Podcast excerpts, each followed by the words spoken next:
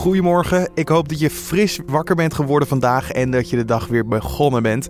Want het is maandag, een nieuwe week, dus ook weer een nieuwe podcast. We kijken naar wat het nieuws vandaag gaat brengen op deze maandag 15 januari. Mijn naam is Carne van der Brink en ik praat je vandaag bij over het nieuws van vandaag en ook wat er vandaag gaat komen.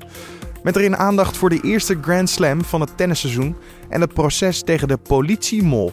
Maar eerst kijken we kort terug naar het belangrijkste nieuws van afgelopen nacht. De protesten in Tunesië tegen belastingverhogingen, werkeloosheid en prijsstijgingen zijn zondag opnieuw begonnen nadat het twee dagen rustig was gebleven. De protesten begonnen zondagochtend vreedzaam in de hoofdstad en later op de dag zette de politie in meerdere plaatsen traangas in om de demonstranten uit elkaar te halen. Het kledingconcern CNA wordt mogelijk verkocht aan Chinese investeerders.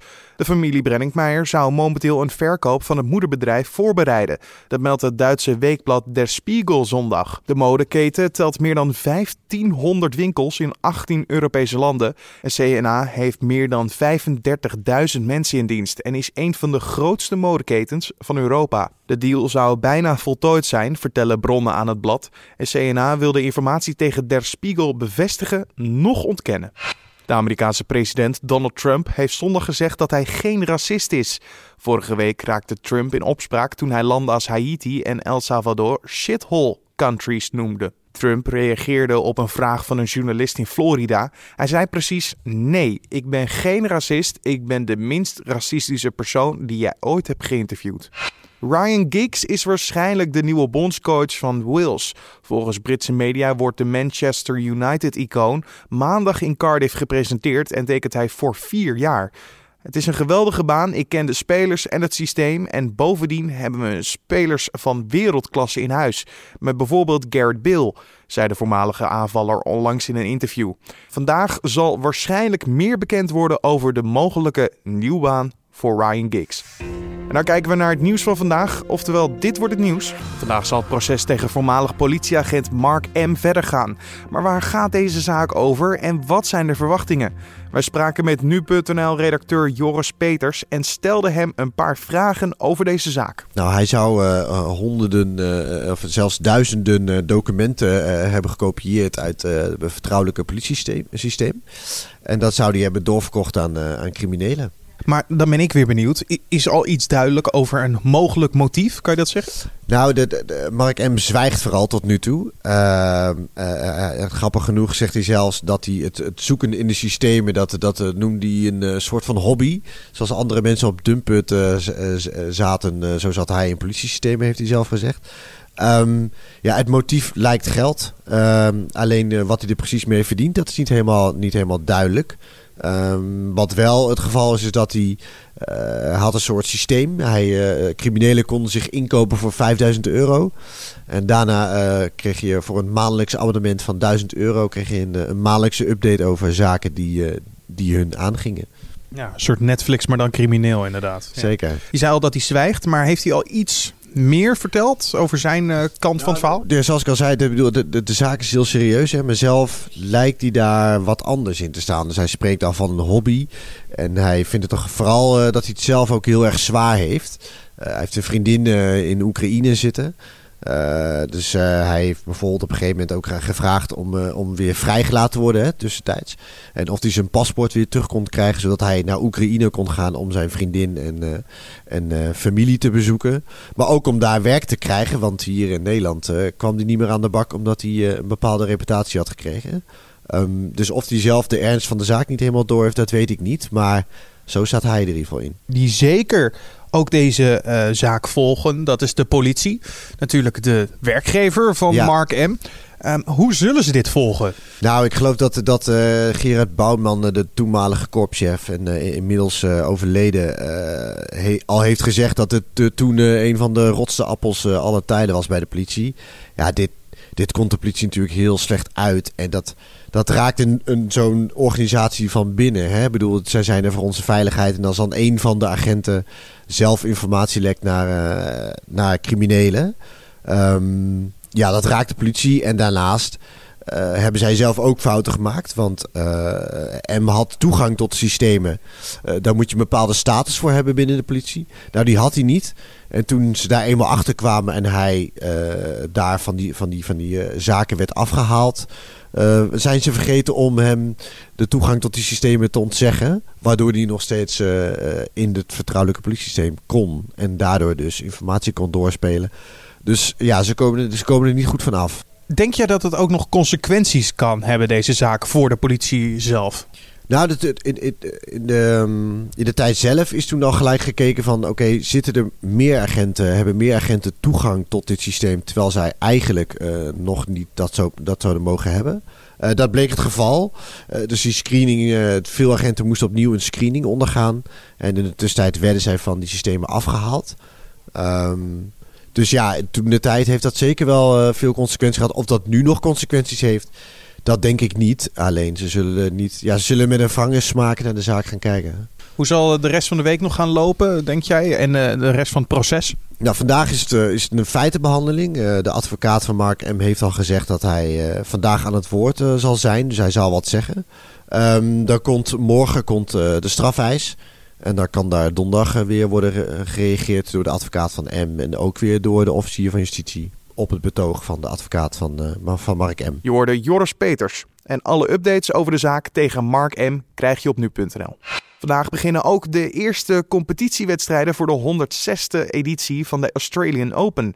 De Australian Open is de eerste Grand Slam toernooi van het tennisseizoen. De Australian Open wordt klassiek gespeeld in Melbourne Park. We spraken met nu sportredacteur Riepke Bakker en we vroegen hem bijvoorbeeld naar het opmerkelijke van dit jaar dat er meer spelers buiten de lijnen zijn dan echt in de lijnen. Ja, dan heb ik niet over de, de ballen die, eh, die uit worden geslagen, maar over de, ja, de vele afwezigen. Het is een hele lange lijst. Uh, Andy Murray is niet bij. Kei Nishikori is er niet bij, allebei geblesseerd. Bij de vrouwen Serena Williams een half jaar geleden nog bevallen. Azarenka is er niet bij. En ook zelfs zij die er wel bij zijn, Rafael Nadal, ja, heeft een paar maanden niet gespeeld, last van zijn knie. Novak Djokovic, eigenlijk miste Australian Open zes uh, keer uh, gewonnen. Uh, heeft heel lang niet gespeeld en is nog niet helemaal topfit. Dus ja, het, het, het, is een toernooi van, uh, ja, ze zijn er wel of ze zijn er niet, maar de, de, de topfavorieten zijn niet heel uh, dik gezaaid. Nee, het wordt wel een van de eerste echt hele grote bekende tennistoernoois. Zal dit nou natuurlijk ook gelijk een, een beeld geven van het komende seizoen, van het komende jaar? Of is dat lastig om te zeggen? En, nou ja, doordat uh, Williams niet is, doordat een Murray niet is, zou dat niet hoeven. Uh, ja, eigenlijk is dit, dit is een beetje gek, want de grote favoriet voor dit toernooi is, ja, hou je vast, u kent de rieder wel, Roger Federer. 36 jaar en hij gaat voor zijn 20ste Grand Slam en dat hij uh, de grote favoriet weer is. En misschien weer, wordt het weer een prachtig Federer-jaar. Dat heeft er enerzijds mee te maken dat hij nog steeds heel erg goed is, maar vooral ook met het feit dat er heel veel afwezigen zijn.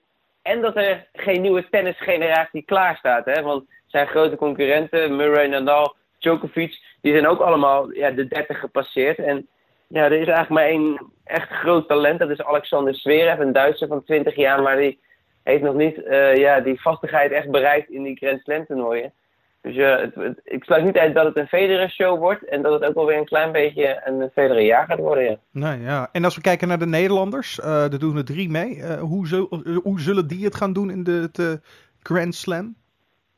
Uh, ja, Bertus Hogekamp uh, en Haase. Ja, we kijken allemaal naar Robin Haase. De afgelopen zes jaar vloog ha Haase er steeds in de eerste ronde uit het Australian Open. Had ook een beetje te maken met zijn lastige loting. Maar dan hebben we heel goed nieuws, want hij speelt tegen de Italiaan uh, Lorenzo Zanego. Nou, dat is nummer 218 van de wereld. Iemand die via het kwalificatietoernooi zich geplaatst heeft. Dus je zou zeggen, Haase kan wel voor wat mooie oranje dingetjes gaan zorgen. Zeker ook omdat hij wel aardig in vorm is. Hè? Hij haalde de kwartfinale in uh, Pune in India al dit jaar. Hij haalde afgelopen week, uh, wat was het, de halve finale in Auckland in Nieuw-Zeeland. Dus Haase is, ja, is gewoon in bloedvorm en zou wel eens ja, wel wat kunnen overleven. En kijk allemaal stiekem dan misschien al naar de derde ronde. Want mocht Haase de derde ronde halen, dan staat hij hoogstwaarschijnlijk tegen Roger Federer. Nee, dat is een een heel leuk en mooi affiche voor onze tennisliefhebbers. Nee, ja, dan kunnen we eigenlijk wel zeggen, als hij het zo haalt, dan, dan, dan gaan we ervan uit dat hij ook niet verder gaat. Jammer genoeg, inderdaad. nee, nee, nee. Uh, Robin Haase, uh, nee, die gaat uh, niet van Roger Federer winnen, denk ik. Maar goed, zolang, zolang is het, laten we eerst maar eens die derde ronde halen. Na, na, na zes keer op rij eerste ronde eruit. Het is ook eigenlijk van origine voor Nederlanders het slechtste Grand Slam toernooi eigenlijk van het jaar. Want bijvoorbeeld Roland Garros, ook gravel, presteren ze beter, veel beter dan op het Australische hardcore. Dus verwacht er niet al te veel van, zou ik zeggen. Nee, maar als jij nu al eh, een schatting moet maken hoe de finale er uiteindelijk uit gaat zien, dat zal dan tussen Roger Federer en puntje, puntje, puntje gaan? Ja, nee, doordat eigenlijk ja, die, dat, dat gebrek aan topspelers er is, zie je eigenlijk dat afgelopen jaar al dat bijvoorbeeld Kevin Anderson op zijn 31ste uh, ineens uit het niks in de US Open finale stond. Nou, zo'n verrassing zou dit toernooi uh, eigenlijk ook kunnen zijn. Ja, dit is wel het toernooi.